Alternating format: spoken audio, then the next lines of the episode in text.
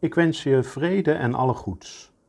Welkom bij Fioretti, de tweewekelijkse podcast van Stadsklooster San Damiano.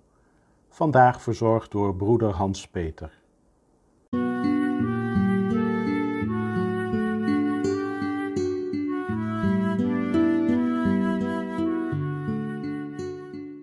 Het ene Nederlandse woord liefde kent in het Grieks, de taal van de Bijbel, vier vertalingen met elk hun eigen betekenis.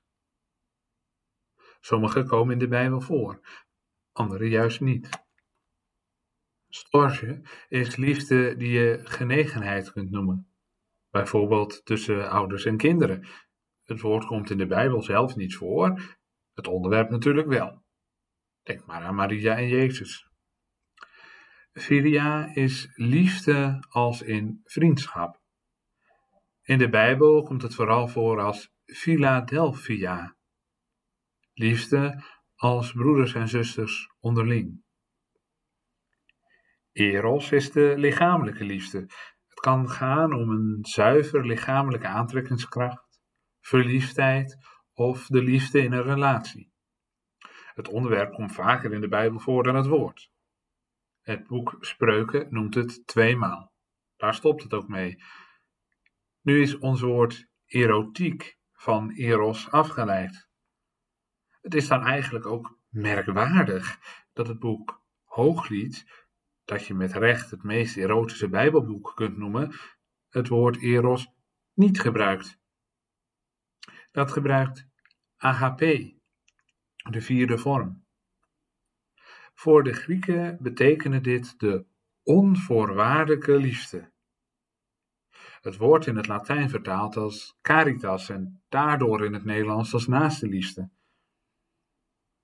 De Grieken zelf gebruikten het woord agape nauwelijks. Des te opvallender is het dat de Bijbel het woord meer dan 200 maal gebruikt, waarvan 110 keer in het Nieuwe Testament. De eerste drie vormen van liefde, storge, filia en eros, kunnen enkel stand houden als het wederkerig is. Zonder antwoord valt deze vorm van liefde vroeg of laat weg. Agape, naast de liefde, hoeft niet beantwoord. Het is immers onvoorwaardelijk, zonder voorwaarden. Het is liefde die ervoor kiest de ander te beschouwen zoals Paulus in de eerste brief aan de Corinthiërs schrijft. De liefde is langmoedig en goedertieren. De liefde is niet afgunstig. Zij praalt niet, zij beeldt zich niets in. Zij geeft niet om de schone schijn. Zij zoekt zichzelf niet. Zij laat zich niet kwaad maken en rekent het kwade niet aan. Zij verheugt zich niet over onrecht, maar vindt haar vreugde in de waarheid. Alles verdraagt zij, alles gelooft zij, alles hoopt zij, alles duldt zij. De liefde vergaat nimmer. Het maakt het de moeilijkste vorm van liefde, want is het niet heel menselijks iets terug te verlangen, een antwoord te krijgen, de liefde beantwoord te vinden Kijk, persoonlijk vind ik het prettig als onze coffee-to-go klanten aan de kloosterdeur dankjewel zeggen voor het bakje koffie. Maar in feite is het niet nodig. Ik zal hem of haar een tweede keer er niet om weigeren. Dan krijgen ze nog een keer koffie. Ook is agape de vaakst verkeerd begrepen vorm van liefde. Als je zegt dat je iets uit naaste liefde hebt gedaan, dan kan het overkomen als: Kijk mij eens onbaatzuchtig goed doen voor die arme sloeber. Of kijk eens hoe geweldig ik ben. Maar dat strookt juist niet met agape. Dat vraagt niks terug. Dat is enkel een geven, een eenrichtingsverkeer. En is goed in staat in stand te blijven zonder antwoord. Franciscus neemt de liefde op als een van de zes deugden in zijn begroeting van de deugden. Daarin stelt hij ook dat de liefde alle kwaad kan overwinnen.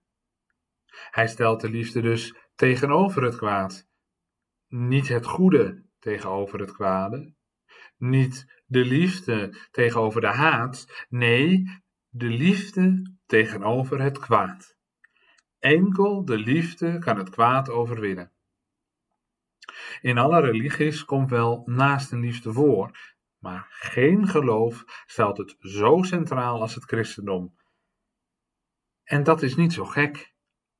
Nog dat het zo centraal staat, nog dat het het enige is dat het kwaad kan overwinnen. Een van Jezus' leerlingen had precies begrepen waarover het ging. In zijn eerste brief schrijft hij, Johannes, precies wat het geheim van de liefde is. God is de liefde.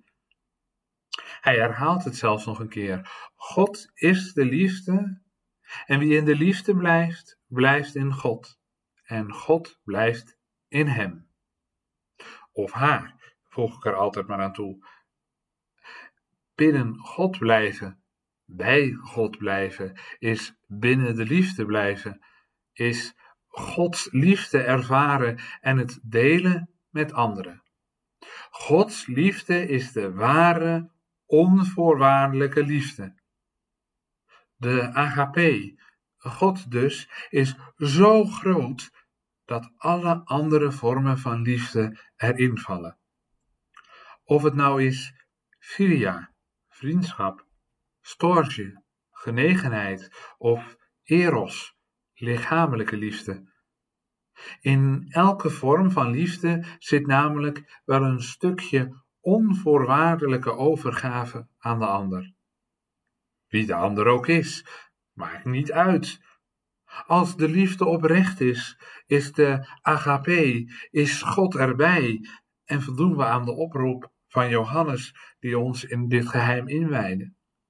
We blijven dan in God en zijn op de goede weg. Ik wens je veel liefde, luisteraar. Liefde om te geven aan een ander. En ik wens je toe dat je veel liefde mag ontvangen.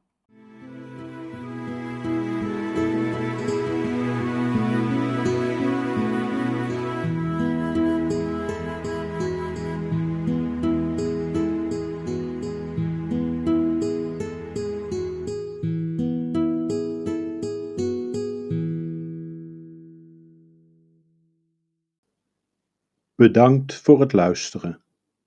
Tot over twee weken en tot die tijd vrede en alle goeds.